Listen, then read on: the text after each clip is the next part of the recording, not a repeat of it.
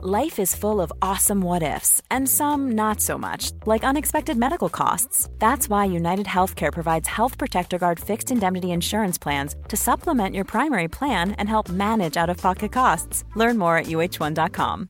I'm Sandra, and I'm just the professional your small business was looking for. But you didn't hire me because you didn't use LinkedIn jobs. LinkedIn has professionals you can't find anywhere else, including those who aren't actively looking for a new job but might be open to the perfect role, like me.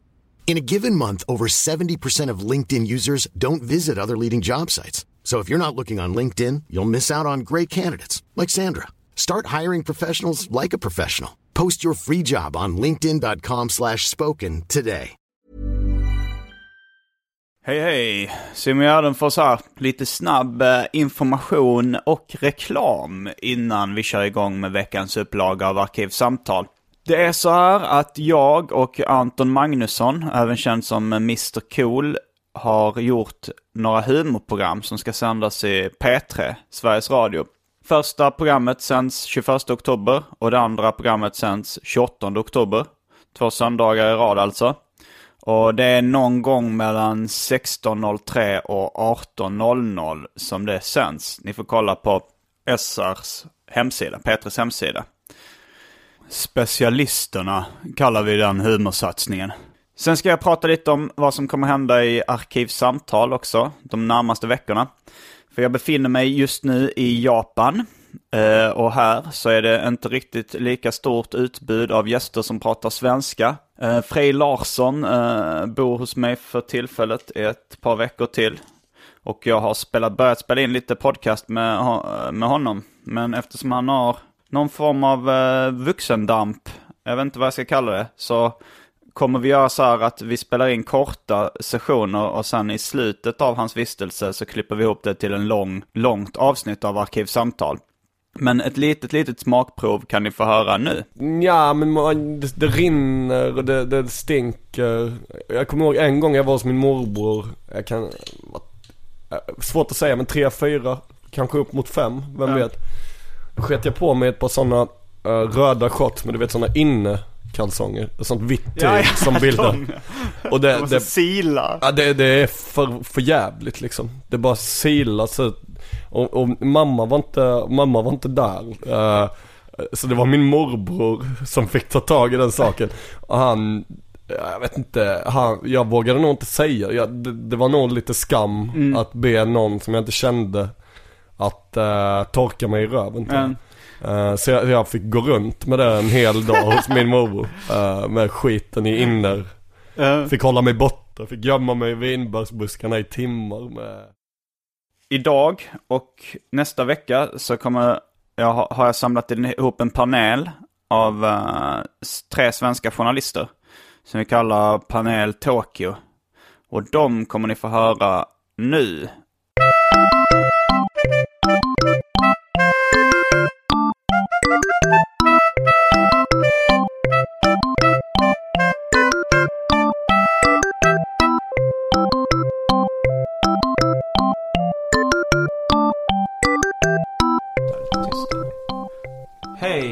Välkomna till Arkivsamtal avsnitt 14.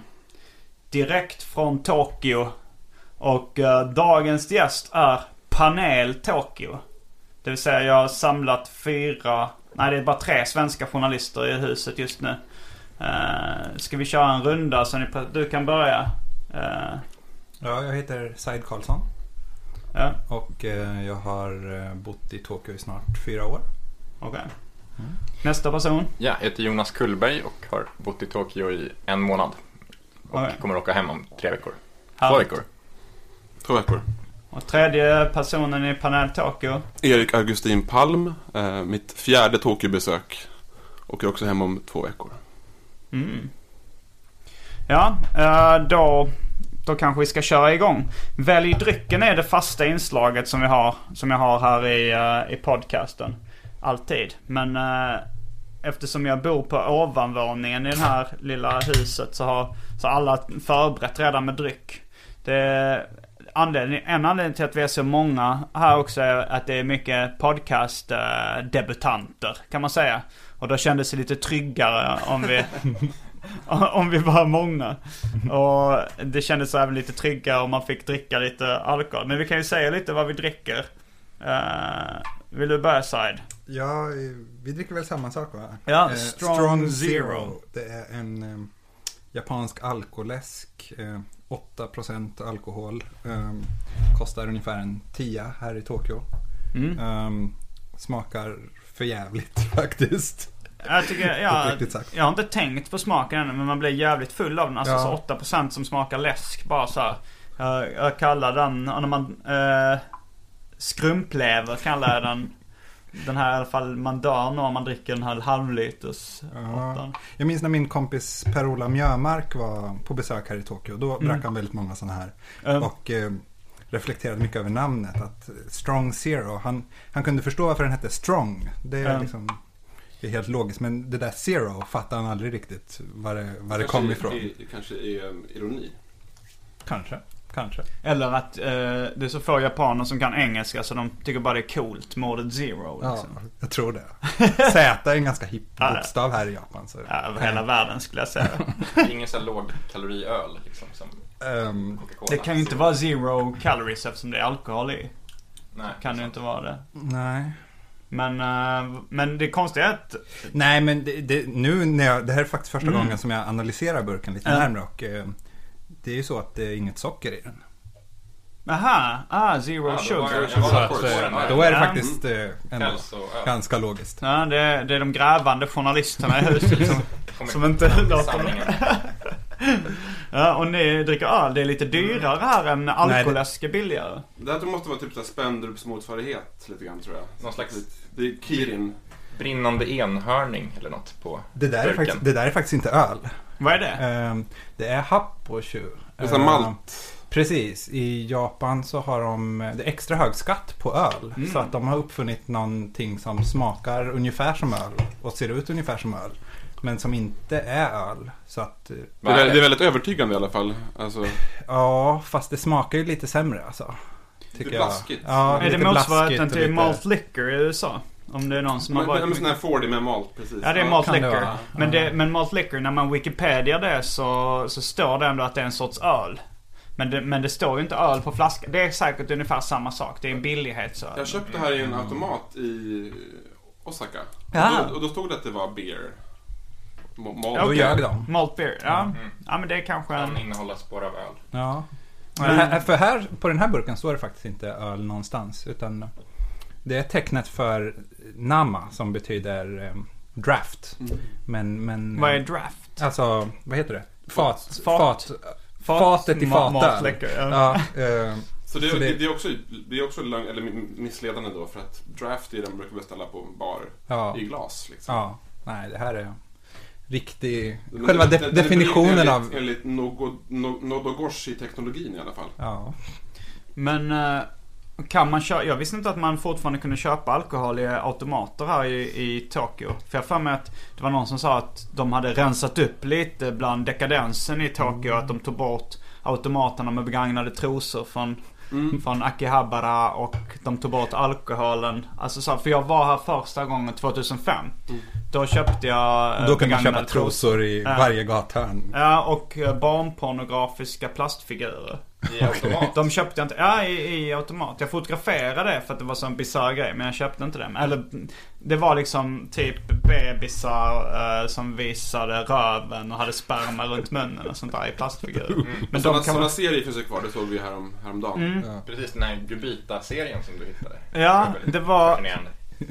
Vi hittade alltså en serie som var... Eller det var, såg ut som att det var en gubb, gubbe med barnkropp. Fast det var nog en missuppfattning. Ja, det när vi väl öppnade så var när jag väl köpte det. För jag tyckte det var liksom en tunnhårig gammal gubbe som hade en barns kropp. Det är så många perversion, perversioner Ja. i en och samma Och sen var det figur. interracial. Att han, eh, att han blev påsatt av en svart man. Väldigt En inkluderande. Ja, det var det. Det var liksom... Fast sen när man öppnade så såg man att det var inte en gammal gubbe. Det var en tunnhårig... eh, Liten flicka. Liten flicka. Ja. Fast med glasögon. Fast jag tror Fast jag, jag nog- tror ändå att det, Det måste det vara är någon, slags identifikationsambition liksom, ambition där hos tecknaren. Att, att, att snusgubbarna ska kunna se sig själv i huvudrollen som blev blir uh. Kommer du ta med dig de här äh, hem? Liksom, kommer du fastna i tullen? Kommer vi behöva ordna så stödgalor för att vi måste frige dig för att du Alltså, sitter inne på... Vi har ju ett prejudikat nu, Simon Lundström. En annan serieintresserad Precis, Simon ja. som har blivit friad i högsta domstol. Men han kom väl undan just för att han var... Han forskade i ämnet. Nej, han kom undan tror jag för att det, till slut så, så såg de att det fanns något, alltså grejen är att det får inte finnas något konstnärligt värde om det ska räknas som pornografi. Eh, jag tror det var där som han blev friad. Men jag är inte jätteinsatt. Men jag tror det var, Nej, det var jag tror ändå det spelade in också. Att, att, han, alltså, Att han att han forskade. forskade. Att han, han hade så pass mycket manga. Så att, Mm. att ett fåtal av dem. Inte jättemycket. Men, men eh, jag, jag tror att det spelade lite roll Mm, faktiskt. det att om du bara kommer med den där serien så. Ja. Plus att det inte är porr, det är konst. Ja men jag var lite, alltså jag blev rätt besviken när jag sa att det inte var en gammal gubbe. Så att jag kommer, alltså och sen är packningen väldigt begränsad. Alltså man, man får ta med 24 kilo eller någonting i incheckade bagaget. Så jag kommer nog inte ta med mig. Jag kommer nog hitta betydligt intressantare saker. Är det inte blir värt nästa, 100. Liksom, du blir inte nästa hjälte som hela liksom, medie-Sverige måste sluta upp bakom. Liksom. För Nej det, det vi är tycker nog ju inte om risk. Simon Gärdenfors Gubita-serien. Är att dö för hans rätt att läsa. Har du några planer på att introducera det här konceptet i dina egna verk? Uh, alltså jag var, ju li- var lite sugen på det när, när man, eh, vi, vi träffade en, uh, en hentai-tecknare, en porrtecknare, hela det här gänget innan. Som hade introducerat tentakelporren i Japan. Och då började vi luska lite i vad nästa stora uh, porrserie skulle bli. Och då snackade vi om Gubitan. Att det skulle bli det. Det, det, det hade varit lite intressant att försöka liksom starta en sån trend. Men samtidigt är jag ganska, jag tycker inte det är så jättekul med, jag konsumerar liksom inte porrserier själv. Jag tycker inte det är kul. Ens så här feministisk porr som blivit så populärt i Sverige. Jag tycker, jag tycker inte ens det är kul och inte Men vanlig Crumb gillar du väl, eller hur? Crumb gillar jag i och för sig. Eh, han gör i och för sig porr också. Men det är på något sätt så hans personliga sexfantasier så mycket. Det är liksom parodisk, parodisk porr också lite grann. Mm. Kan man ju säga. Jag gillar i och för sig mest Crumb porrserier när jag var, precis hade upptäckt dem. Jag gillar dem fortfarande. De är ju bra liksom. Men eh, ja, jag är väl inte helt konsekvent i min analys av, av seriebranschen här. Men, eh, Men den här köpte jag i alla fall inte i Tokyo. Jag köpte den i den här drycken, maltdrycken. Jag köpte den i... I Osaka? I Osaka på, en, på ett sånt där frisk, friskvårds... eh, hostel typ. men har ni varit i Osaka idag eller varför har du, Nej, nej, nej. Varför har du malt liquor? Nej men, men den, den jag talade om tidigare alltså. Aha. men det här är inte malt liquor eller? Ja. Sa- Samma, samma typ av dryck liksom. Okej. Ja, precis. Ja. Och den här köpte du i Den här köpte jag i 7-Eleven? Tokyo. Eller? Ja. Nej, den här köpte jag i Tokyo. Okej, på, ah, på okej. butik liksom. Ah, okej, okej. Men eh, när vi ändå är inne på porr, var, träffade ni en, en, en eh, knullfilmsregissör igår, eller hur var det? Ja, Ni, Ja. ni nämnde det innan, men jag vill inte att ni skulle berätta någonting om det. väldigt mångfacetterad man. Ja, Mm. Du kanske kan Nej introducera men han, han hade, hade väl, han hade väl tre tre företag. porrfilms-franchises liksom. Ja, Var det av journalistiska skäl ni intervjuade honom? Både det och alltså, ren nyfikenhet tror jag. Mm. Så hur det var. Och eh, han är vän till en vän till... Ja, Dessutom. precis. Vi har en gemensam vän. Så det, Ja. jag, jag känner honom sedan tidigare. Du känner Eh, porrfilms? Ja, vi var på SM-klubb i Ikebukuro en gång Och det var inte av, eh, av journalistiska skäl, utan... Ehm, det var väl nå- någonstans eh, mittemellan skulle man kunna säga. Ehm, vår gemensamma vän föreslog att, att vi skulle träffas eftersom Mm. jag var journalist och hon tyckte att han var intressant och att jag kanske kunde ja, ha någon glädje av att lära känna honom. Eh, så vi bestämde oss för att gå ut och dricka tillsammans. Mm. Och eh, det slutade med att jag, ja, att jag var på en SM-klubb i Ikebukuro där det var Blev många... du smiskad? Vad hände där? Nej, jag blev inte smiskad men eh, Du vill berätta vad hände jag, där? jag betraktade, jag, jag fick träffa mannen med de tredje längsta bröstvårtorna i Japan. Eh, Det var väldigt fascinerande faktiskt. Jag ser väldigt häpen ut Ja, och ja. ryggar tillbaks med en äcklad Ja. min. Ja, det var ungefär så jag... Jag vet inte exakt eh, hur man, hur man får den titeln men eh, en av... Tredje längsta. Ja, en av Det låter personalen. nästan äckligare Det, det, var, det var jätteäckligt. Eh, alltså det var en, en vanlig japansk gubbe i 60-årsåldern. Mm. Hur långa Som- var de? Jo, han, han satt där i kostym och så plötsligt då så kom en av eh, de anställda på klubben fram till honom Mm. och knäppte upp kostymen. Och tog fram någon, någon slags tång och började dra i hans bröstvårtor. Varpå han eh, ser väldigt glad ut och ställer sig upp och börjar sjunga I'm dreaming of a white Christmas. Oj, samtidigt som den här japanskan då drar i, i bröstvårtorna. Vad var julreferensen? Hur kom den in i bilden? Vad sa du? Jul, julreferensen. Jag har faktiskt ingen aning eh, varför. Det, det var ju strax innan jul så han Jaha, kanske, det var det? Ja, ja, han kanske var lite i Det var julstämning. logiskt. Ja. Men var han född med väldigt långa bröstvårtor eller? eller Nej, han utan jag tror att, ja, jag tror att det är någonting han har tränat ut fram. Ja, han, har ju, han var ju rätt gammal så att jag menar han har haft många år på sig att, Mm. komma dit han är. Eh, Så ja, de var väl 4-5 centimeter i alla fall. Det var, Okej. det var ganska äckligt alltså. Det, jag kände att jag mådde lite illa när jag, när jag såg det här. Igår var det inte riktigt lika dekadent dit han tog oss. Nej. Sig, det fanns en sån aspekt. Fanns det, det fanns ju den här presenningen på golvet. Ja. En, en haiku-klubb. På, En haiku-klubb. på Det låter sin- inte så perverst. Nej, men eh, han, poeten som, som var in residence där för kvällen hade, han var inne på Kiss 6. Ja, Han hade lagt ut en mm. presenning inför eventuella gäster. Eh, så fick vi reda på senare. Ja. Ehm, men först verkade det väldigt snällt alltihopa. Ja, Nej, han var väl redaktör för någon, någon som Någon jag förstod ganska stor haiku-tidning i Japan. Eh, och uppmanade oss att skriva haikus om, om vår, vad vi kände när vi kom in i det där lilla, lilla rummet. Min, min blev riktigt... Din blev jättebra. Du var ju den enda av oss Kan som, som du faktiskt skrev den. i- Recitera den. Eh, Swedish tall men captured together in autumn nightmare.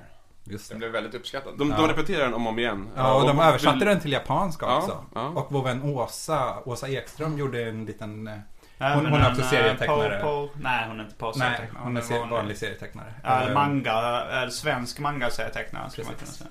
Eh, Så hon gjorde en liten serievariant av den här. Ja, det var rätt min. Men vänta, va, jag trodde det var en fristående Ja, det, det kanske det var. kör den igen. S- långa svenska män. Så översättning till svenska. Långa svenska män eh, fångna tillsammans, fångna ihop i höstmardröm. Antar jag. Okej. Ja.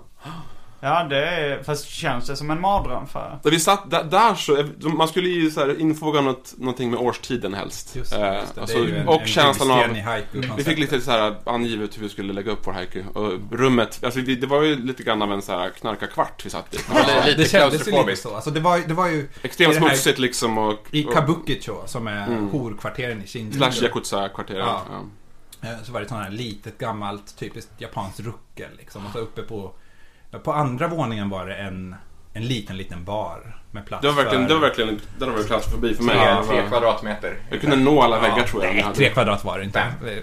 Ja, fem, fem, sex kvadrat kanske, en liten bar. Och sen ovanpå det så var det ett, ytterligare ett litet rum då, ett sånt traditionellt japanskt rum med tatami-mattor. Eh, och eh, ja, det såg tatami-matta? Det, Som det inte såna här, utan såna här. Okej, då får, Vad- eftersom det är radio så måste du beskriva Ja. hur, eller både, eller vi kanske inte ska gå in jättedjupt i Men matt.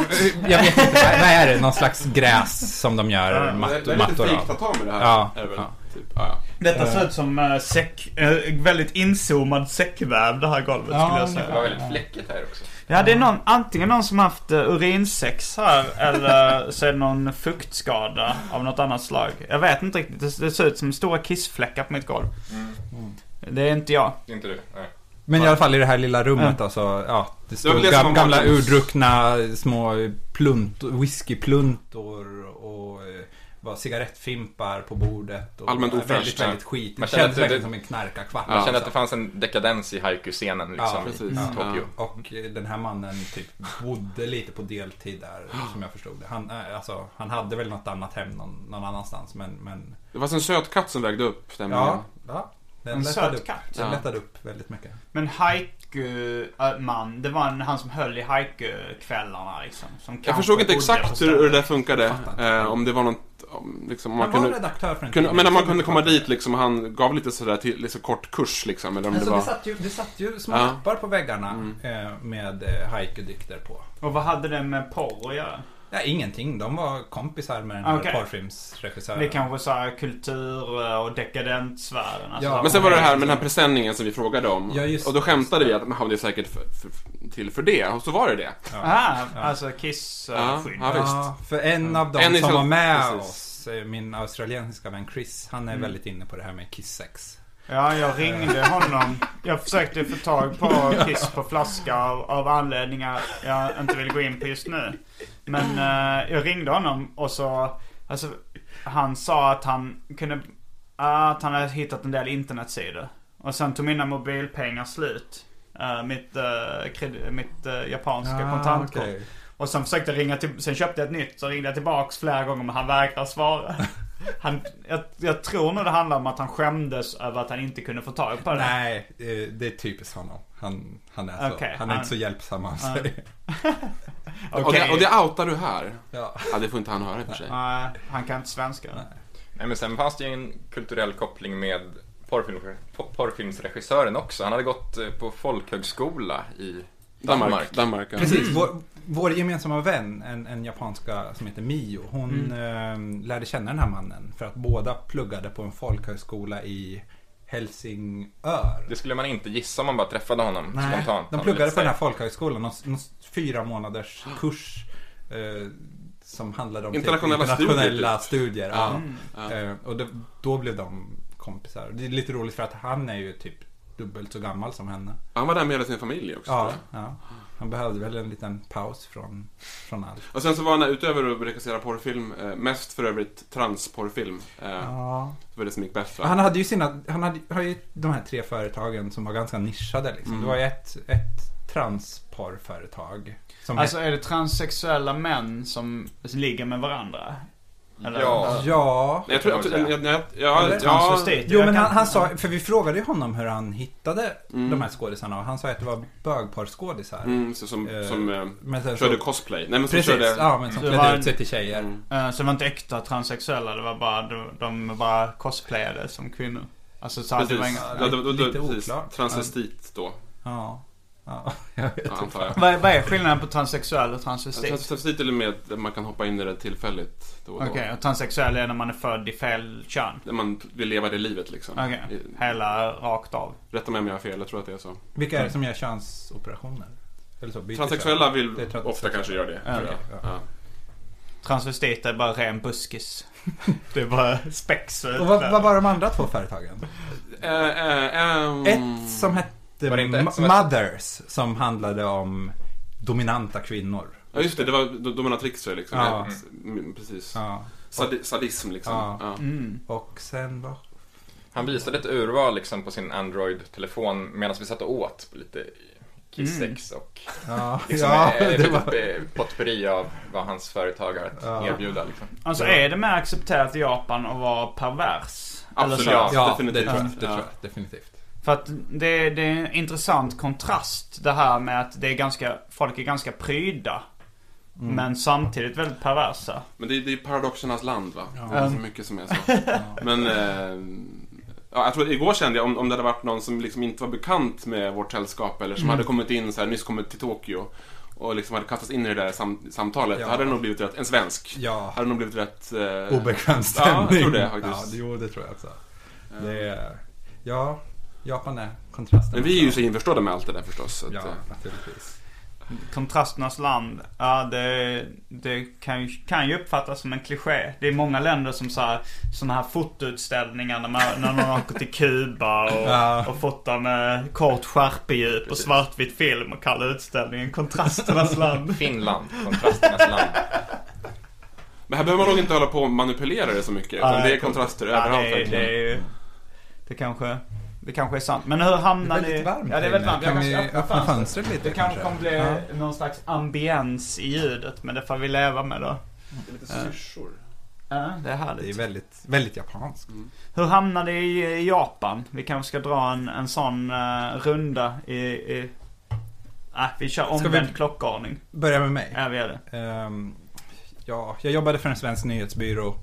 Uh, hade ett Du ganska... får nämna namn. Det, det, är, ingen kom, det är ingen statlig Ingen som känner till den ändå. Jo, kör, Eh, kör. Pressens mediaservice hette Okej. den. Ehm, och eh, skrev om spel och teknik, hade ett ganska flexibelt jobb. Och frågade min, Dataspel då? ja, Mm. frågade min chef om det var okej att jag eh, stack till Japan och jobbade Mm. därifrån några månader. Så det fick jag göra. Så jag åkte hit och gillade det så mycket att jag eh, blev kvar. Mm. Nästa man. Ja, det här är min andra gång i Japan. Alltså just den här gången är jag här på ett stipendium som alla svenskar som jag träffar i Tokyo verkar ha fått någon gång, utom Utom jag. Ehm, Det är i alla fall när s- s- svenska ambassaden sålde en tomt på 80-talet när det var fastighetsbubbla för en och en halv miljard kronor motsvarande. Sin tomt. Alltså Precis, ambassadens exakt. tomt. En del av sin tomt. Ja, det var Ja, hela kvadratmeter har jag läst att de, Jaha. jag har också fått det här stipendiet. ja. Ja, ja. Så det är en liten del av det stipendiet, eller en liten del av de pengarna som jag lever på just de här månaderna.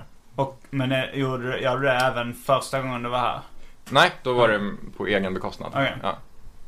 Och du, är det någon skillnad? Eh, Ja, första gången jag var här år, år 2000 eh, i, i Gotanda faktiskt, där vi hamnar nu på vägen hit, Mm. eh, insåg jag att jag bodde. Ja, då var det bara allmän Japan-fascination sådär. Okej. Lite från min barndom kanske som så här, hade stannat kvar och sen så Vad var, du, var det, vad var det från din barndom? Var det, Det var väl typ mycket ninjor och sånt där som Ja, hade liksom... ninja. Jag var också fixerad vid ninjor när jag var liten. Och jag har faktiskt besökt Iga Ueno, eh, ninjutsuns, eh, där ninjutsun utvecklades Mm. senare. För att liksom hedra mitt barn, jag. Liksom. Gjorde ni kaststjärnor i träslöjden? Eh, ja, jag, jag gjorde egna nunchakas, vet jag. Vad är det? Är det de här, Så de här pinnarna? två pinnarna Pinnen. som Ja. ja. ihop med liksom en liten snöre. Jag gjorde kaststjärnor av eh, folie. Jag gjorde, jag gjorde Som också lite eh, kaststjärnor faktiskt. Av, av, gjorde jag. Mm. Ja, de hade, när jag började träslöjden så hade, alltså det här att göra kaststjärnor i träslöjden hade varit så stort så länge så att de hade förbjudit det i min träslöjdslärare. Men det var, det var en kille i min, eh, en kompis som är ett år äldre, Henrik Ekström. Han fick göra en kaststjärna ifall han liksom limmade fast den på en träskiva och gjorde det till ett konstverk. Och så skrev han så här, kaststjärna Japan 1830 eller sånt där. Men sen kommer han... Ja, Ingenting mot våld, att det här, det här, typ, det här ska man inte använda. Inget Jo men det var väl därför han fick limma, limma fast den Ja, på en träskiva. Men han bände ju säkert loss den och kastade den i pannan på sin gammelmormor eller någonting. Vad gör han idag? Henrik Ekström, det, ja. vi får ta honom som nästa podcastgäst. Jag har faktiskt ingen aning. Jag tecknade serier med honom när jag var liten. Han var faktiskt en av liksom de som jag började teckna serier med. Och då hade han en, eh, en seriefigur som hette Svarta Ninjan. Men eh, när han tecknade, vi tecknade då serier på fritids som vi gick. Och Svarta Ninjan, han orkade inte färglägga honom svart så att han hade helt vit dräkt. Det var det som var, och det enda färgen han färglade i serien det var blodet, det var rött. Okej. Men vi hade ett eget serieförlag som hette eh, Hips. Eh, det var, vi var då Henrik, Simon, Per. Uh, Du har varit HISP. nej men det var, det var så här, det var två, vi var två Simon. Det var jag och Simon Persson. Så då, då fick eh, den ena Simon ha bokstaven I också. Sen blandade vi ihop dem. Och då vi visste, sen så kom jag hem och, och pratade om det med mina föräldrar. och Sa att vi har startat ett förlag som heter Hips.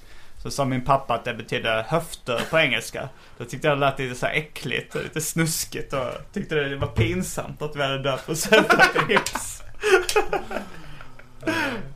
Men, eh, Nej men alltså när, när jag kom, alltså 2000 så var det ju inte, det var inte primärt för ninjutsuns skull jag kom Nej. hit. Utan, men det var väl, men, men du stannade jag fan det, i ninjutsu. Från början så började mitt intresse så. Men sen så, när jag var typ kanske 11-12. Har du tränat ninjutsu? Jag har prövat några gånger, när jag var typ 13-14. Uh, vad, vad får man göra? Får man ha vapen i ninjutsu? Jag tror att det fanns någon sorts, liksom lite snälla vapen så här, lite, alltså trä, Karatepinnar? typ. Fast med rundade hörn liksom och sådär. Ja. Inte så liksom farligt.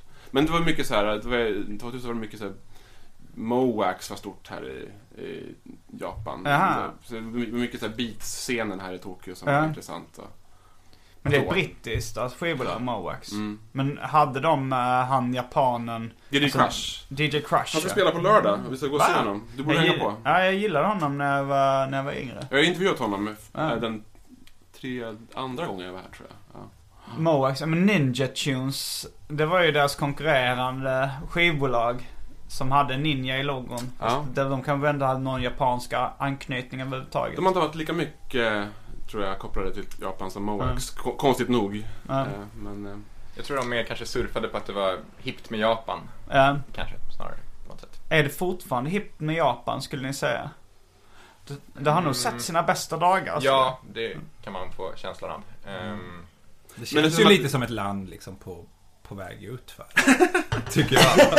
du har ju bott här i, i, flera år, så Ja, du, ja, du kan ju det bästa av oss här liksom. är men absolut. Just när Nej man... men eh, jag älskar det ju. Men, men eh, ja, alltså. Det, man Både märker ju att det har stagnerat. Både USA och Japan är ju liksom de, de, de länderna som har varit coolast. Ja. De är på väg ut för. Ja. Och det har inte riktigt kommit upp någon ersättare. Det är bara så här, mästarna är börjar få grått Alltså, hår. Ja, men det Sydkorea är väldigt Ja, populärt. Sydkorea. Just när det gäller K-pop och sådär. Ja. Sverige.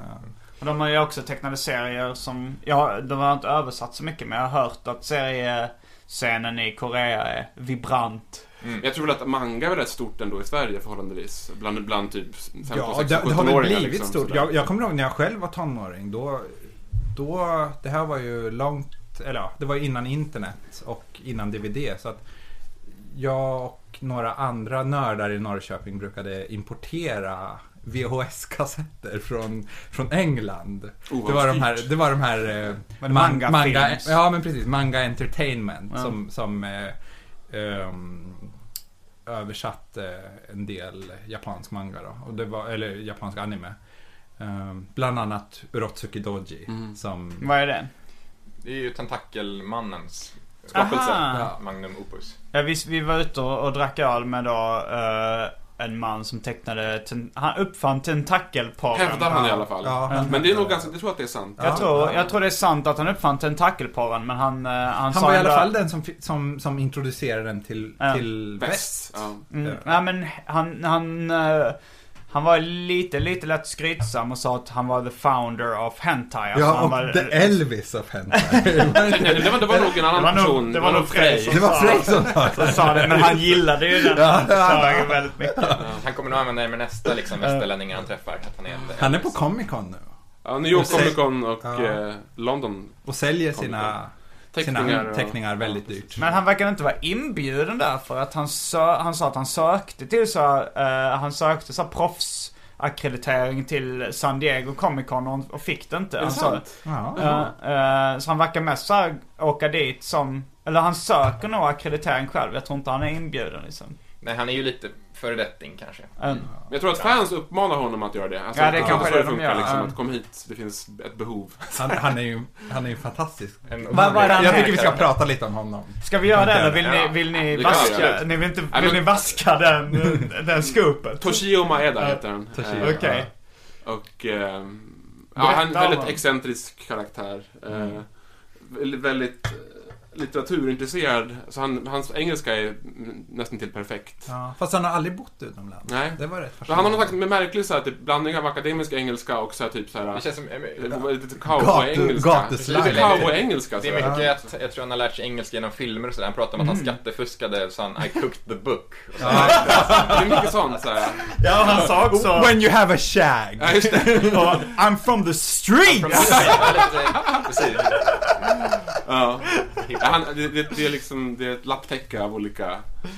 Ja, men han, är, vä- han är väldigt eh, sympatisk och creepy på samma gång. Ja, Vi, vi väntade oss en obehaglig man när vi åkte ut hit. Men det var verkligen en, en av de trevligaste människor jag träffat på länge. Ja. Alltså. Verkligen trevlig När vi person. satt där och, i hans hus och, och, Med hans och svärmor. drack te med ja, hans, hans 83-åriga fru och hans svärmor. gamla, gamla svärmor. Och pratade om typ, vad pratade vi om? Om hans liv.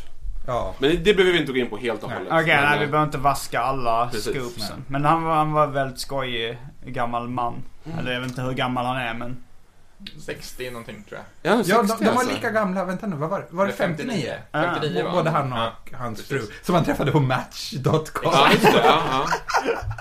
Efter att han, efter att han åkte dit för skattefusk. Då Fast- blev han lämnad. Ja, okej. Ja okej, det, Vi det kanske ska det. spara det. Ja. Ja. Va, men, ja. Då, då, då måste vi gå vidare till, till någonting annat snabbt. För det, det är så kul att prata om honom så... eh, Man kanske kan ta en liten kiviroo. Ska vi ta, ska vi ta en Ölpaus. Ja, Har ni smakat om... Så, vi drack mikroskopiska öl. Jag köpte ett sexpack öl eh, i en närbutik här i Åta, där vi befinner oss nu. Som ser ut som, liksom varje öl är, är som en shot. Mhm. Vi kan gå ner och ta en eh, ölshot och så kommer vi tillbaks. Mm. Vänta, jag tror till och med jag köpte någon, någon rätt. Det, ja, jag har ett inslag som, ko- återkommande inslag som heter recensionen. Eh, Som jag också köpte en uh, liten skojig grej som ni ska få smaka och prata om här i podcasten när vi kommer tillbaks. Nu kommer pausmusik.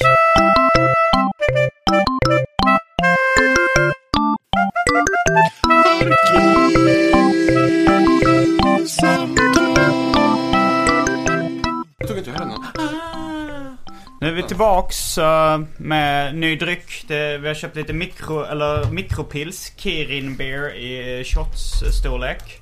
Eh, och eh, ja, jag känner att ja, jag är rätt packad på den där så kallade skrumpleverdrycken. Strong Zero. Strong Zero, ja alltså den, den går rakt in i hjärnan. Men jag tror den är rätt bra, speciellt som så här debutanter. Att man ska vara lite packad. Man blir ju mer avslappnad och så här. Fast packad, det är långt, lång väg dit för mig. Nej, jag, jag, blir, jag är väldigt lättpåverkad. Jag väger under 60 kilo jag, vanligtvis. jag är en jätte så att det tar, Okej. tar några öl. Men eh, viss påverkan finns där, absolut. Och vi hittade även, eh, som jag köpte på Sunkus innan vi stack hit. Sunkus är då eh, Japans motsvarighet till 7-Eleven. Precis, med ett K med gummistövlar och keps som logotyp. Och ett pulserande vrålstånd om man, om man Precis. associerar åt det hållet. Eh, Men då, det här, den här, eh, det, det är en liten, det här kommer jag lägga upp på min blogg. Uh, Said kanske kan fota det, den Absolut. rätten. Jag, jag har smakat den innan och då skrev jag en recension på mitt gamla matfanzine Smak. Och Då gick det- då visste, jag hade ingen aning om vad det hette men jag och Johannes Nilsson recenserade och kallade Jag trodde det var torkat kött. Ja, den heter Yakiniku-san. Och det betyder, jag trodde det var torkat kött. Nej, det betyder grillat kött och sen san är ju det här artiga prefixet. Här. Här grillat här, kött. grillat kött. Precis. Okej, och eh, ska vi... Och här, står, du, här, står, här står det typ Hörru du, den är stark. Hade du den stark? Okej. Vem, eh, vem... Ska vi dela på en och så får de Ja, dela okej. på en? Ja. Ja, det kan vi göra. Det, jag har ju käkat den innan, men har du käkat den någonsin? Nej. Den är, den är ganska brutal kan jag säga. Eh, Men ta, ta en tugga och känn er som hemma. Så, Det luktar... Här, eh, mes, ge- getost, eh, messmör tycker jag. Jag tycker det Mes- luktar Ta, nu, nu fisk får är ni lite ta, mat äldreboende. blandat med kimchi. Ja, messmör är min första ta en tugga nu. Nu har ni bara luktat på den. Ta en rejäl bit. Beef jerky. Jätteseg. Så farligt var väl inte det här? Det var inte så himla Men det, det smakar lite mer smör plus soja. Ja. Messmör absolut, eller hur? Den kan vara gammal den jag käkade i Sverige. Eller så var jag helt oberedd. Jo men jag tycker den är rätt brutal. Min, Nej. Så jävla illa. min association är sån här fiskmat. Mm. Som man brukade ha i akvarier på 80-talet. Fast ganska mycket starkare. Alltså den lukten av fiskmat. Jag minns den som ganska mycket brutal. Alltså jag minns den som tvungen att skölja munnen i vasken. stark. Nej, så illa är det ju verkligen inte. Jag tycker de är Då tycker jag de här äh, bönorna du äter till frukost, Natto. är, de är s- lite mer utmanande. De är ju vidriga de är svåra. verkligen. Jag tycker de är rent vidriga. Uh, natto, nej jag, jag gillar natto. Det... Vad är charmen, tycker du, där liksom? Eller vad är det som... Vi kanske ska, ska förklara för lyssnarna vad natto är. Ja. Det är fermenterade bönor som ser ut som snor och smakar fotsvett. Kanske. Nej, jag, jag håller inte med. Alltså, fermentera det är jäsning. Alltså någon slags ofullständig oxidation. Nu ska vi inte gå in på kemin för djupt i det här men Men alltså när någonting eh, påverkas av bakterier eller jästsvampar så kallas det jäsning eller fermentering. Och då är det alltså sojabönor som som eh, attackeras av bak- bakterier som är ätbara och ganska nyttiga tror jag. Och sen så blir det som liksom jästa sojabönor i ett, en slemmig smet. Som är då bakterier. Och smeten ser ut lite som snor eller sperma. Ja, långa så trådar. Ja, det är väldigt liksom. långa trådar. Ja. Jag Och- tänkte lite så alien-ägg, Ja, tycker jag det mm, som. ja. Och sen blandar man det med, vanligtvis blandar man det med senap och sojasås. Och så käkar man det. Men jag, därför kanske jag inte... Man, man, ska, man ska ha det med i, i Ja, liksom det- mixen. Mm. För jag bara kört det helt straight up. Men Nej, men även det- i eh, sushi också. Ja, de- det kan man ju ha. Ja. Då är det ju ris och... Ja. Sushi för de som undrar betyder vinägerris. Alltså jag har all, hela mitt liv trodde jag att sushi betyder rå fisk. Men uh, råa fisken är bara det man lägger på vinägerriset. Ja, sashimi betyder rått. Väl? Men Det som sashimi är kan väl rå fisk, ja. eller? Nej, sashimi är rått. Du kan, få, du kan få sashimi hästkött. Så är det rått Ja. Ah, hästkött. ja, okej.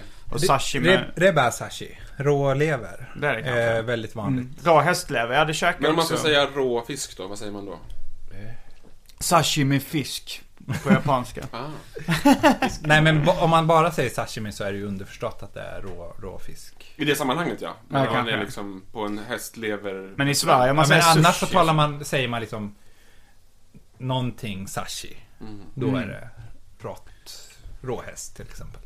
Men tillbaks till natto så tycker jag det, alltså det smakar inte mer fotsvett. Alltså det är nog en vanesak men det är ju som grönmögelost liksom. Att det är lite acquired taste. Finns det något svenskt ord för acquired taste? Finsmakar... Finsmakarmat. Ja. Fast, fast det är ju lite Konnässör. annan- Ja, jag, ty- jag tycker ändå det är lite annan. Vad betyder acquired? Alltså, Uppnådd, att, ja, eller att precis. man har Man måste uppnått en uppnå- viss ja. nivå. Ja, precis. för att Ja. det. Förfinad smak. Ja, precis. Ja, men, Mm. men det är väl en rimlig Ja. översättning tror jag. Ja. Ja. Men alla, så gott som alla japaner älskar ju natto. Eller älskar, men de, de äter det dagligen till frukost. för att det är nyttigt liksom. Deras surströmming typ liksom. Ish. Ja, fast... Ja, fast surströmming gillar ju inte svenskar, Nej, Nej, det är något De- man äter. Det är lite som en, en happening liksom. Ja, Det här Jag läste att de sålde... Ja. Ja, det här är japanernas mm, mjukost. Ja, japanernas grönmögelost. Nej, Grönmögelost. mer mainstream alltså för det är rätt Det är vanligt. jättemainstream. Okej, det är väldigt vardag liksom. Kaviar, deras kalles kaviar. Precis. skulle Alla mina säga. japanska rumskompisar käkar ju natto dagligen. Liksom. Ja, Det... och jag gör det nu också. Men, men jag skulle nog säga att deras, ka- alltså Kalles Kaviar ifall någon, ifall ett barn ska äta det så tycker de nog det är speciell smak. Det har ju ändå en kraft, det, jag tycker Kalles Kaviar är mer eh, underground än Natto. Alltså Natto är lite mer Det är mesig inte, smak. det, ja, det är inte så stark smak. Det är Nej. det inte. Hmm. Det är mest att Det är den... bara dålig smak. Ja, Tycker jag. den är bara obehaglig. Jag tror konsistensen är lite Ja, ja. Jo den här slemmiga sp- sperma snor Fast jag gillar slemmig mat i annat fall. Liksom. Jag, jag älskar... Men du gillar eh, inte Natto? Nej, jag gillar inte natto. Jag älskar tacoasa som är typ... Vad är det? Tänk dig att du tar en hel bläckfisk Mm. och en klump wasabi och kör det i en mixer. Du får liksom en jätte... Är det så man gör? Kladd... Nej, det är det nog inte. Men det är en kladdig, också snorliknande Mm. maträtt som eh, är ganska svåräten. Men, Mm. men jag älskar den. Men det är rätt sjukt alltså hur, hur mycket soja dominerar det japanska köket. Alltså så här, tofu, en av japanernas stora rätter. Det är gjort på soja.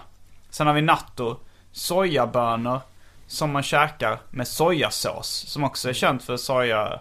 Och sen har vi miso som är någon annan slags liksom fermenterad soja. Som också är liksom den källan till protein. Som man också käkar med sojasås som är gjort på sojabönor. Det, hade de klarat sig, alltså se- sen i Sverige käkar man knappt soja, so, sojabönor överhuvudtaget. Det är ju kontrasternas och sojans land, kan man säga. Men sojakött äter ju vegetarianer i Sverige. Såna sojakuber liksom. Ja, ja, alltså tofu är gjort på soja. Det var inte tofu, men tsai- liksom- Tsai-kött är gjort på soja. Sen har vi ju corn är gjort på någon slags svamp. Ja, det tror jag inte är... Nej, det är inte ganska soja. fristående från Mm. soja. Men även, eh, det, det finns allt möjligt är gjort på soja. Alltså, det finns ju sojakyckling och sånt där också. Alltså kanske är tofu-kyckling. Med Men knottror. fejkkött burk. liksom. Alltså, ja, sojakött Ja, mycket. liksom. En Eh, kompis till mig pratade om att man kan få veganhöfter av för mycket sojaprodukter. Att det liksom leder till ökad östrogenproduktion hos män eller något i den stilen. Att det, att det finns ett fenomen som heter vegan hips hos män. Jag vet inte om det skulle vara något man ser Här, i Japan det här känner man att man vill googla. Precis, det, det borde vara så San Francisco Google-förbudet. Brooklyn-fenomen. Har du sett det i Brooklyn eller? Nej, jag har aldrig sett det. Jag Nej, har nej, nej. hört det. Men, du, okej, men nu i efterhand kan du så här, tänka att det där kan ha varit det. Så här. Är det inte bara att man blir, att, att en eh, dålig ursäkt för fetma? Kan vara så. Ja. Att man käkar ett mycket och säger man vegan hips liksom. Man ser ju inte det här fenomenet i Japan kanske på japanska män som äter mycket Nej, sojaprodukter. inte. Det, det finns en del japanska tjockisar. Men det är ju väldigt De är ovanliga. Ja. Ja, det, om man går i de här seriebutikerna så, finns, så kan man kanske säga lite, Ja. lite vanligare. Och jag tror att uh, den japanska matkulturen håller på att förändras ganska mycket också. Så att det blir mer skräpmat och... Jag käkade på mosburger idag till Mm, det är exempel. grymt. Ja, det var, det var faktiskt gott. Tog du groddburgaren eller vad tog du för någonting? Uh, nej, jag tog ostburgaren faktiskt. Men, uh, men, men det var ju så här groddar eller något. Jag vet inte vad det var. Det, jag tyckte det såg ut som uh, vitkål eller någonting de hade strimlat på, Mm, det all, finns på också, ja. någonting. Mm. Va- Men vad är... Vad är Jag, tror, jag, jag käkade en groddburgare där i alla fall förut. Mm. Eh, Med Var den typ, god? Ja, den var väldigt god. Fräsch. Krispig. Vad är, men du som har bott här en längre tid. Vad käkar du för någonting vanligtvis i Japan? Liksom, vad är din vanliga kosthållning?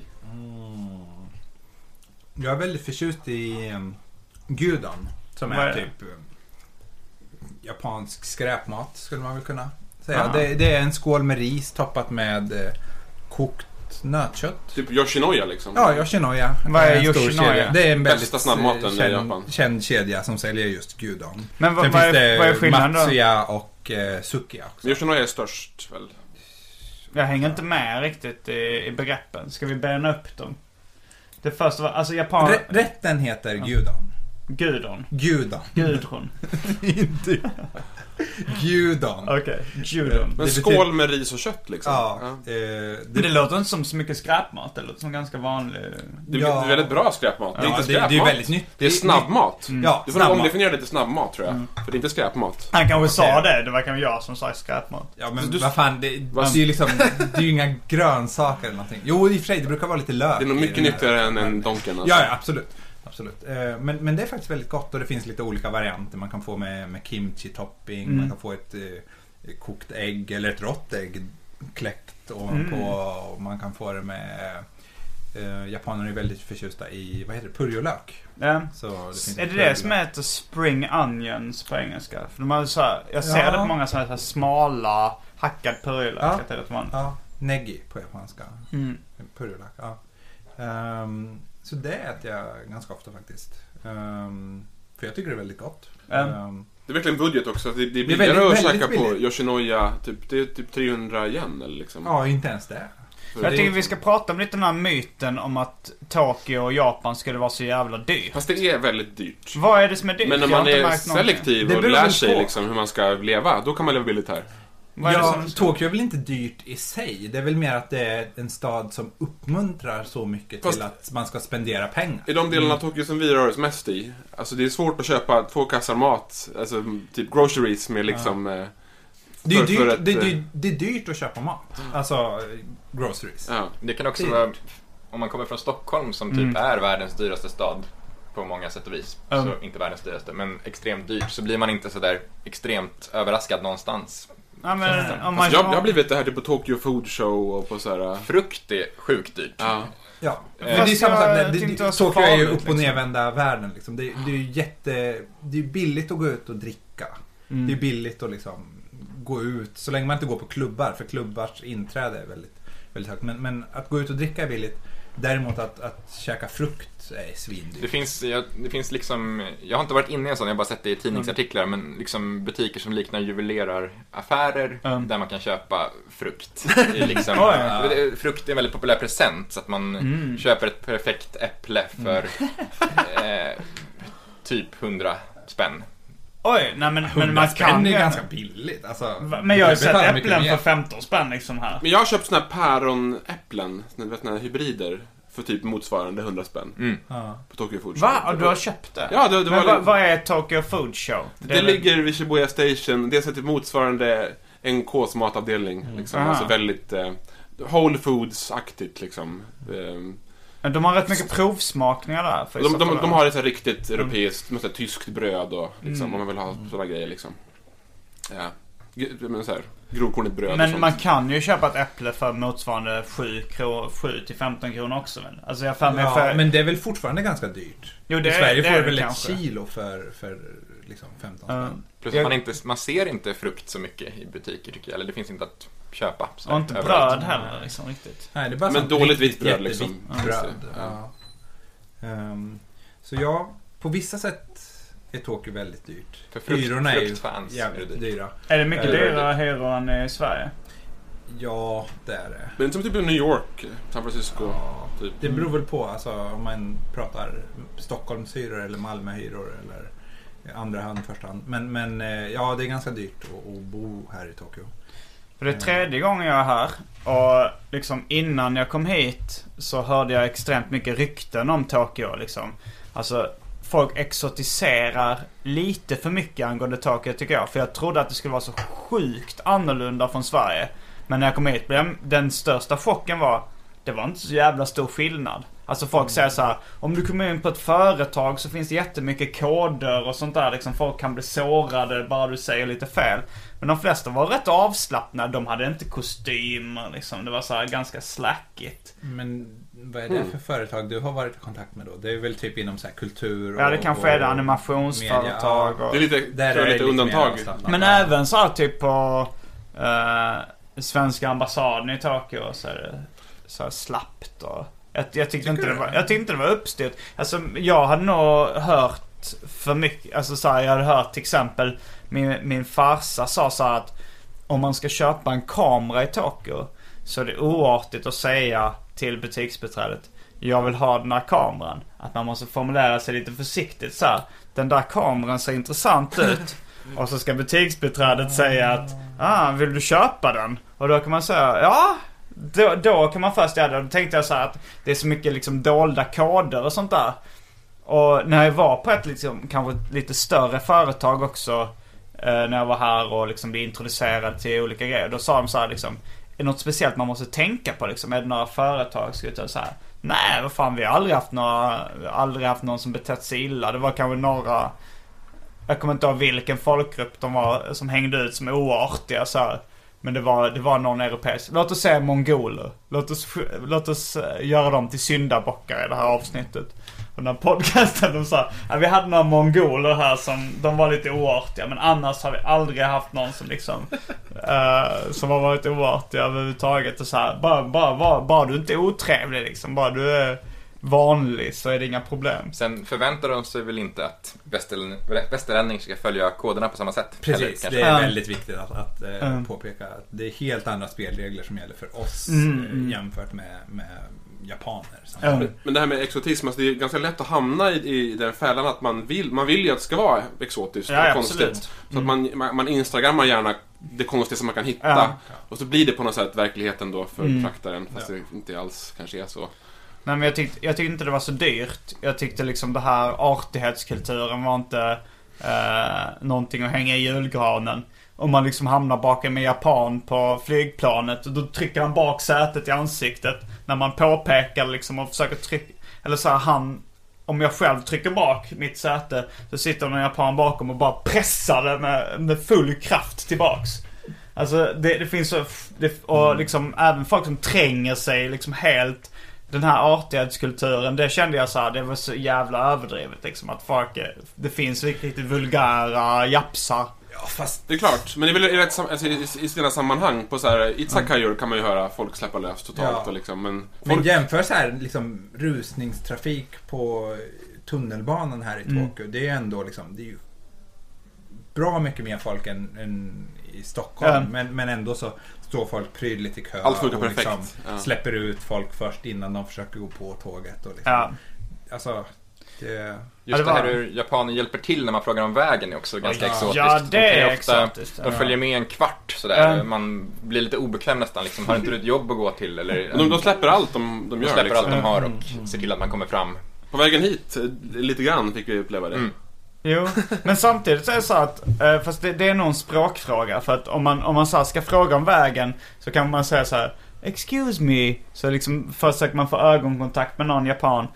Och då kan de totalt ignorera en, låtsas som de inte hör. Och bara gå förbi. Och då tycker man fan vad otrevligt liksom. Man kan väl säga så här, eh, jag, eh, jag har bråttom eller något sånt där. Men det är så här totalt ignorant. Och sen till slut kanske man efter femte frågningen så hittar man någon som följer med en kvart och visar vägen liksom. Släpper allt. När de väl liksom har blivit fasthakade, liksom, Mm. då, då kör de på. Liksom. Jag har varit med om att man sprungit upp till sin lägenhet och printat ut kartor. Oj! och kommit ner tillbaka och liksom visat vägen. Och.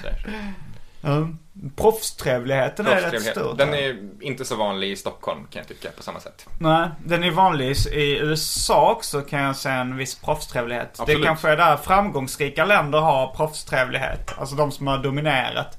Jag saknar det när jag reste runt i Östeuropa. Då blev jag nästan så deprimerad. De är för- inte så proffstrevliga i Nej. Östeuropa. Nej. De var, det, alltså den saknades helt så att jag, jag blev ledsen liksom. För det var så här, Folk bara var sura. Man såg inte ett leende någonstans. Och liksom, jag frågade någon i en bokaffär om någonting. Bara totalt ignorera mig. Och så här, jag, frå, jag, jag och en kompis frågade, alltså då, nu snackar vi om Litauen. Om nu ska hänga ut en folkgrupp till. Mongoler och Litauen. Ja, Det är de vi hetsar mot i det här. Ja, jo, hets mot folkgrupp.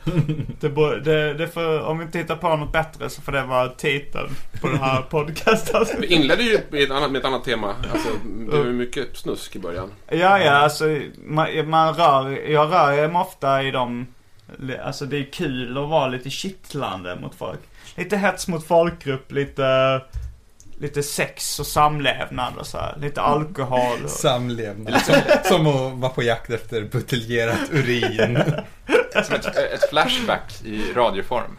ja, eh, det kan man säga. Fast där, där, vi- där vi är namngivna. Då. Ja, vi, har- vi har inga alias. Vi har inga alias. Nej. Nej. Precis. Och det är bara, det är bara, det är fyra män också, precis som på Flashback. Det, Lite, lite småfulla. Förmodligen. vita, vita svenskar. Inte speciellt Kränkta kränkta, män. men ändå män.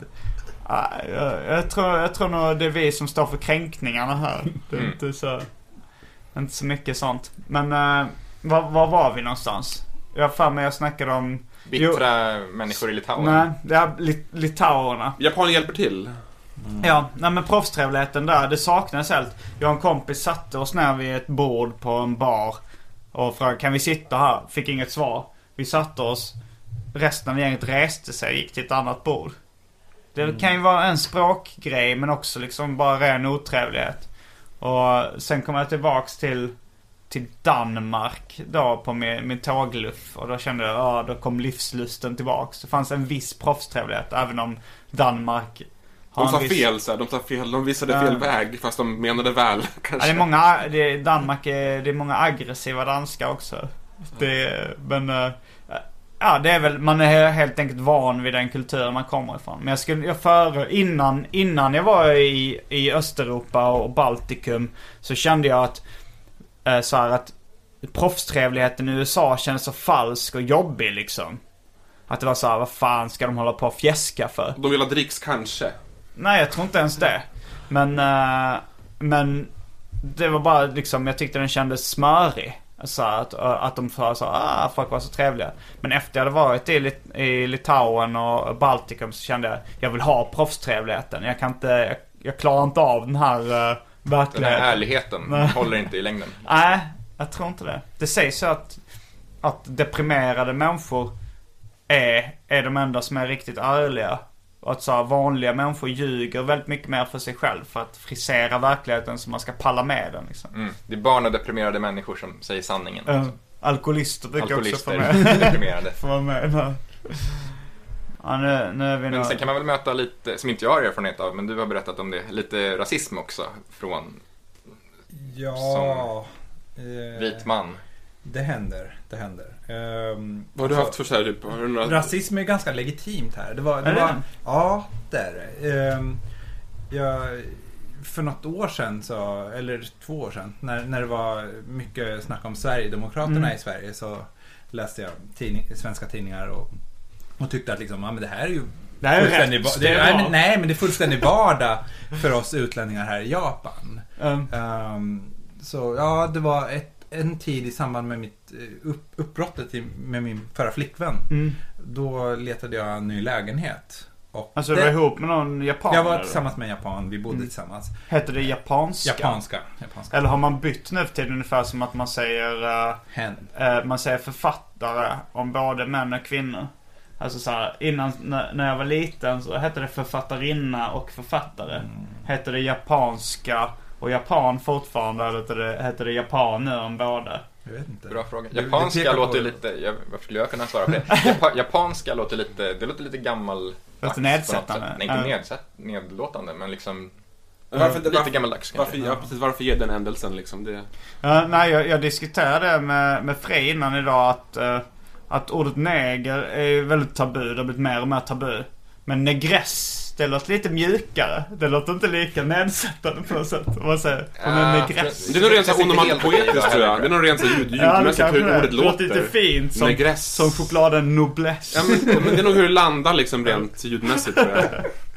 Men. Men ja, i alla fall, då, då var jag på jakt efter en ny lägenhet och då gick jag till en vanlig japansk mäklare. Mm. Och eh, hittade fler lägenheter. Vanlig japansk mäklare? Ja. Vad, är- vad är en ovanlig? Jag, jag kommer till det sen. Okej. Ehm, och hittade flera lägenheter som jag tyckte verkade intressanta. Och, ehm, Mm. Varpå mäklaren då ringde upp hyresvärdarna och sa att jag ville komma och titta på lägenheterna. Mm. Och eh, sen efter att de hade förklarat att, att ja, de hade en potentiell kund. Så bara, ja men han är utlänning. Och då blev det väldigt, i Mm. flera fall liksom att, aha nej men utlänning då, då går det inte bra. Och så var det Oj. liksom, ah, okej jag förstår, ursäkta, ursäkta för att jag inte tog din tid. Och så la de på. Ehm, det hände flera gånger. Vad är de rädda för då, tror du? De är rädda för det främmande. Det främmande, precis. Ja, men eh, japaner är väldigt rädda för det främmande. Det här, det här är faktiskt... Men också inte- extremt intresserade av det främmande. Ja, men det här är... Kontrasternas land. Ja, det här är faktiskt inte, inte exklusivt för oss eh, utlänningar. Utan det är även så. Jag gjorde nyligen ett jobb om, om eh, japanska bönder. Och även då liksom när... Är ett nedsättande ord? Nej, men Jordbrukare. det är många, ja, många stadsbor som vill flytta ut på landet och eh, börja med jordbruk. Men då är det samma sak att liksom den, den gruppen av människor som har bott där i generationer motsätter sig att någon ny ska flytta in. Även om den här nya är en japan. Um, Så här landsortsrasismen är ja, stor men, även ja, här. ja, men precis. Eh, och att, att eh, liksom, man har den attityden mot, mot utlänningar är helt, eh, helt, skulle jag vilja säga, helt normalis, normaliserad här i Mm. Japan. Det finns inga antirasister i Japan? Nej. finns liksom inget, inget sånt eh, överhuvudtaget. Att, Är det säkert att, det? att det skulle vara Ja, men det på tal fanns, om att... eh, fanns väl ingen feminism heller? där? Jo, det finnt det. Det finns, Finns det? det finns, men det, Men Det är väldigt så här, det ko- märks ju. kopplat till den akademiska sfären. Ja, liksom. det är väldigt, väldigt obskyrt. En kulturelit Ja, liksom. om, du, om du frågar en japan på gatan, finns det feminist, fem- feminister i ditt land? Så skulle de säga nej. Det finns avhandlingar om japansk feminism. Ja, såklart. Men... eh, Men det är ju, alltså, Det är jämfört med hur det är i Sverige så jo, är det ju visst, en, visst. Det finns många avhandlingar. Men, eh, ja det var, det var två japanska, eller så här manga-tecknade svenska, vad heter de, systrarna Batista. De, de hade hängt mycket i Japan och de sa så att, ja japanerna de är bäst på allt. Även rasism. De är bäst på att vara rasister också. Men eh, det, det, det känns lite jobbigt när man kommer med dubbla fördomar. Att man har fördomar om att ja, japaner det är ett gäng jävla rasister alltså, varenda en. Ja, alltså deras rasism handlar väl mycket om att de, de är rädda för att eh, hamna i obekväma situationer. Alltså de är Mm. rädda för den här språkbarriären. De, de utgår ifrån att alla utlänningar att, att ingen utlänning kan ett enda ord japanska. Mm. Det räcker att du säger tack på en convenience store för att de ska liksom bara Åh, vad bra du är på japanska. Mm. Eh, eh, och- Det har aldrig hänt mig. kanske. Okej. Jag kanske säger tack, uttalar det Men fel. de kan väl Ja. bra du är på Det- japanska. det. Ja, för precis, att- fattar inte jag, nej. Men, men Eller för att du övar, du inte så på, övar inte på att säga arigato på precis rätt sätt? Med rätt rytm? Jo, varje dag. Mm. Nej, men man- man blir, som utlänning blir man ganska, ganska trött på det. Liksom att, att så fort man har sagt en grammatiskt korrekt mening på Mm. japanska så får man höra att "Åh, åh, du kan japanska helt Mm. flytande. Liksom. Och, och det känns kanske lite... Men, är det så att uttalet är ganska enkelt egentligen medan att, att kunna få rätt storlek på ordförrådet är ut- utmaningen? Liksom. Ja, det är, för oss svenskar är det ju så. Eh, Det japanska uttalet är ju inte särskilt svårt. Det är det inte. Men det här arigato är ju tack, det har man ju fattat. Mm. Men sen, säger, sen säger alla så här för arigato sheimas. Arigato gozaimasu. Ja. Gos, vad betyder det? Eh, Det är en ändelse som läggs till för att göra det mer artigt. Vad, men vad betyder det? Bara eh, tack eh, och välkommen åter eller? eller? Det, det går inte att översätta ordagrant för vi har inte den sorten. Men någon slags mening kan du väl liksom utvinna från det?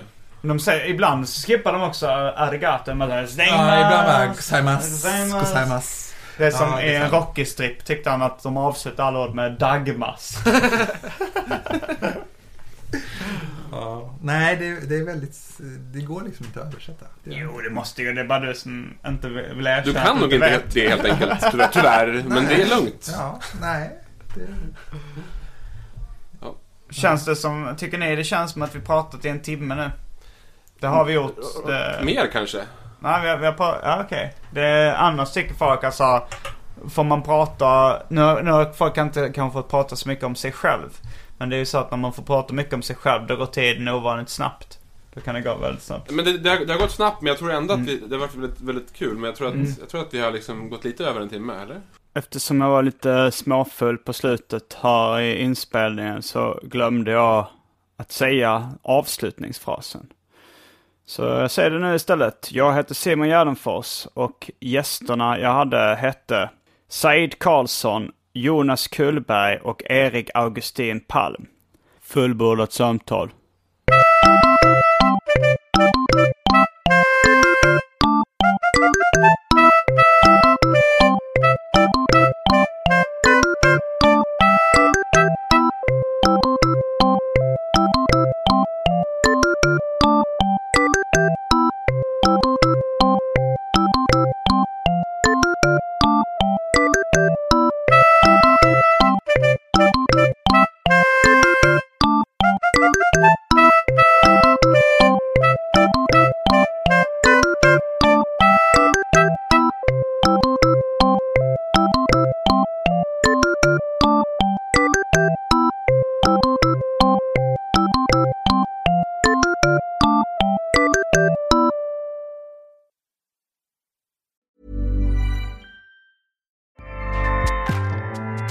ACAST powers the world's best podcasts.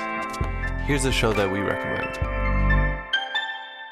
The Real Housewives is a guilty pleasure for most, but if you're looking to not feel guilty about that pleasure, tune in to Everything Iconic with me, Danny Pellegrino, where I break down all the messy moments and behind the scenes antics of Bravo's popular franchise. And on Everything Iconic, I also interview celebrity guests like Kelly Ripa, Kiki Palmer, Drew Barrymore, Cameron Diaz, and more about their guilty pleasures, their past work, and so much more.